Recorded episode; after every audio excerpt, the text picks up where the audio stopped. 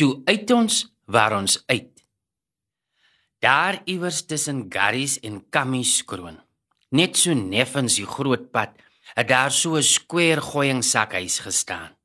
'n Vierkantige huisie waarvan die raam met houtlatte gevorm was, netjies in styf oorgetrek met gooiing wat met seilgare vasgewerk was.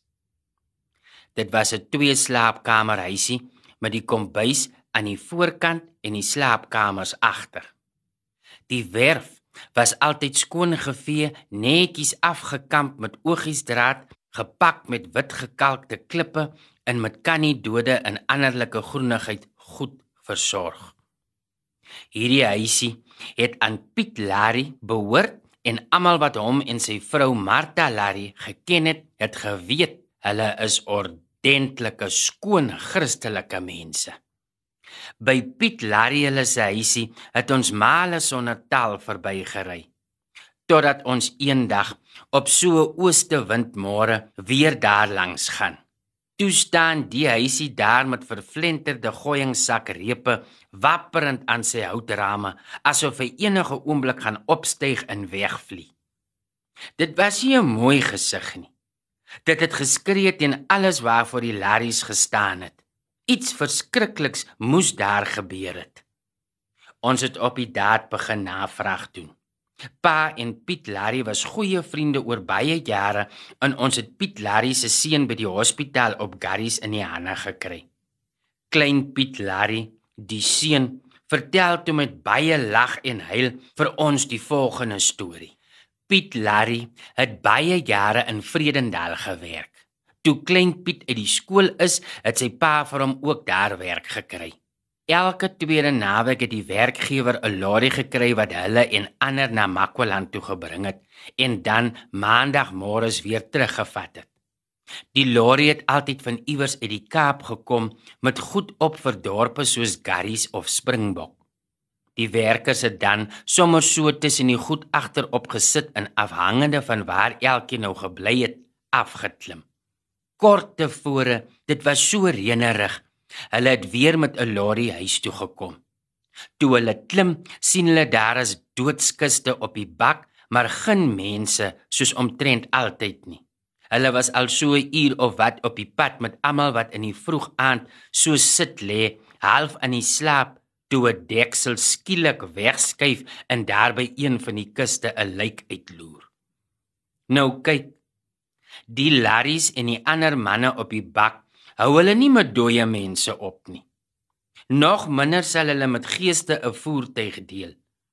Sonder enige nadenke spring almal dus ter stond met groot haas en geraas, glo net so in die ry nog van die lorry af en val hulle bykans almal net net nie vrek nie. Gelukkig kry hy die lorry juis toe teen 'n stewige opdrand uit sodat die spoed waarteen die afspring plaasvind die val darm aansienlik minder vernietigend maak. Almal, hoewel bitter ernstig beseer, het die ontydige afspringery oorleef. Almal behalwe klein Piet Larry se pa. Ongelooflik, soos dit mag klink, het ou Piet omtrent nie 'n skrapie opgedoen nie net 'n oordadige fris knop teen die kant van sy kop, so skuins bo kan die oor, maar hy was mors dood. Die bitterlike ironie is dat die afspringers verniet so geskrik en afgespring het. Die lijk was toe al die tyd nooit 'n lijk of 'n soort gees nie. Dit was glo maar net 'n gewone medereisiger wat die lorry vroeër opgelei het.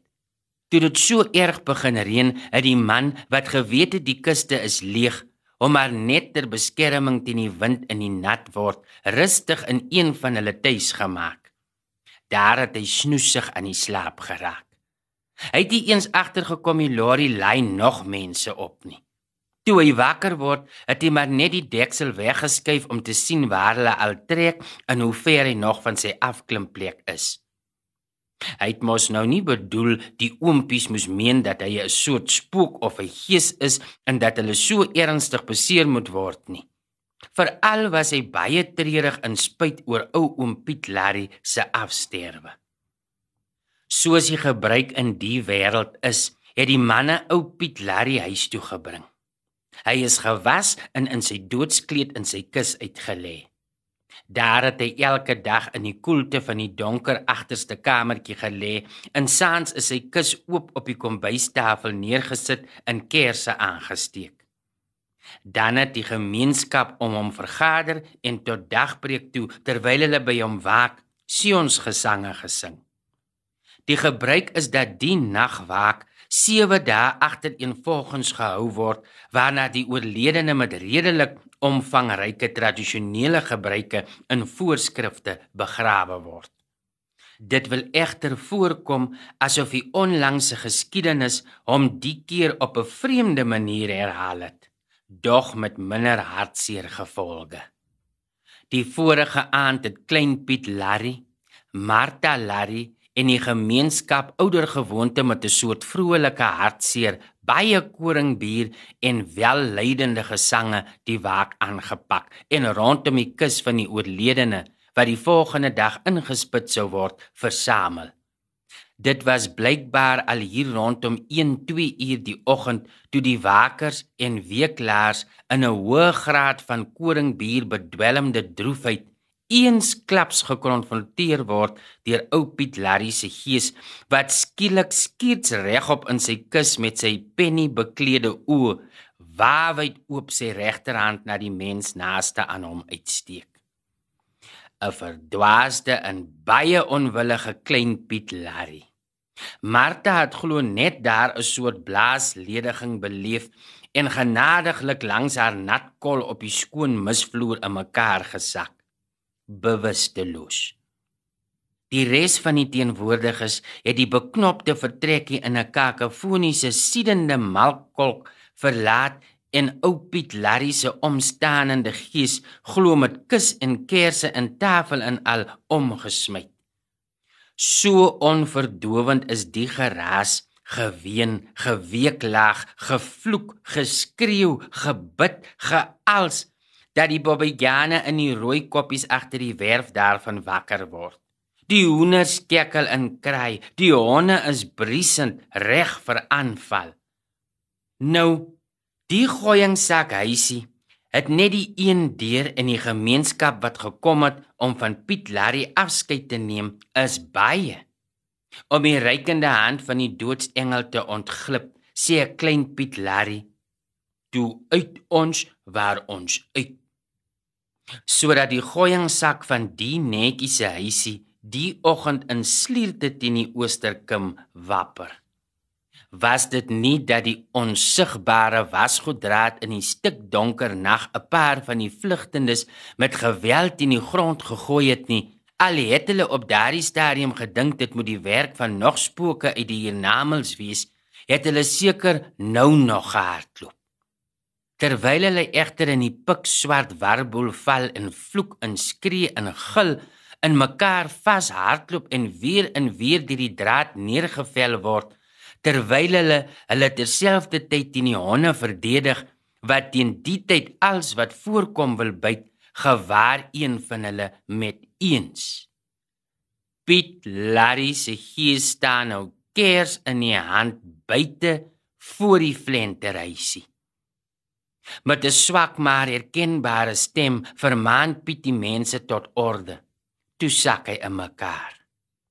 Eers toe kom sy familie en vriende agter dat Piet Larry se gees dan maar seker terug in sy liggaam is, want hy lewe in haal weer asem soos 'n mens mens. Hulle het hom met ongerekende spoed na Gary se hospitaal gebring en hoewel nog baie swak was hy die volgende môre oor die ergste in darm nie meer in gevaar nie. Aldus die man in die wit jas. Piet Larry was glo maar net in 'n koma. Glo so doodslaap besigheid het die wit jas man verduidelik. Klein Piet was baie bly dat sy pa nog leef na die eers wat hy by die poorte gaan maak het. Toe het hy ook verstaan hoekom sy pa nooit soos dit 'n goeie lijk betaam styf en koud geraak het nie. Hy het gedink dis maar die tyd van die jaar se hitte. Toe het hy ook verstaan waarom ou Piet dan nie begin ryk het nie. Klein Piet Larry het gemeen hulle sou binnekort kon begin om die voorheen pragtige huisie tot sy oorspronklike netjiese toestand reg te maak.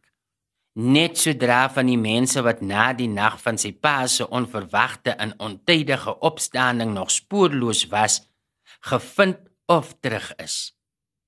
As Christen glo hy nog in die wederopstanding van die vlees het klein Piet Larry gesê, maar na sy eerste handse ervaring het hy gereken die man daarbo sal sy storie moet ken, want as dit nie reg gedoen word nie, kan dit helse deurmekaar spil afgie. Hierdie storie is voorgeles uit Vertel daar vir my 'n storie van Namakwaland deur Jan C van Wyk en is uitgegee deur Malan Media.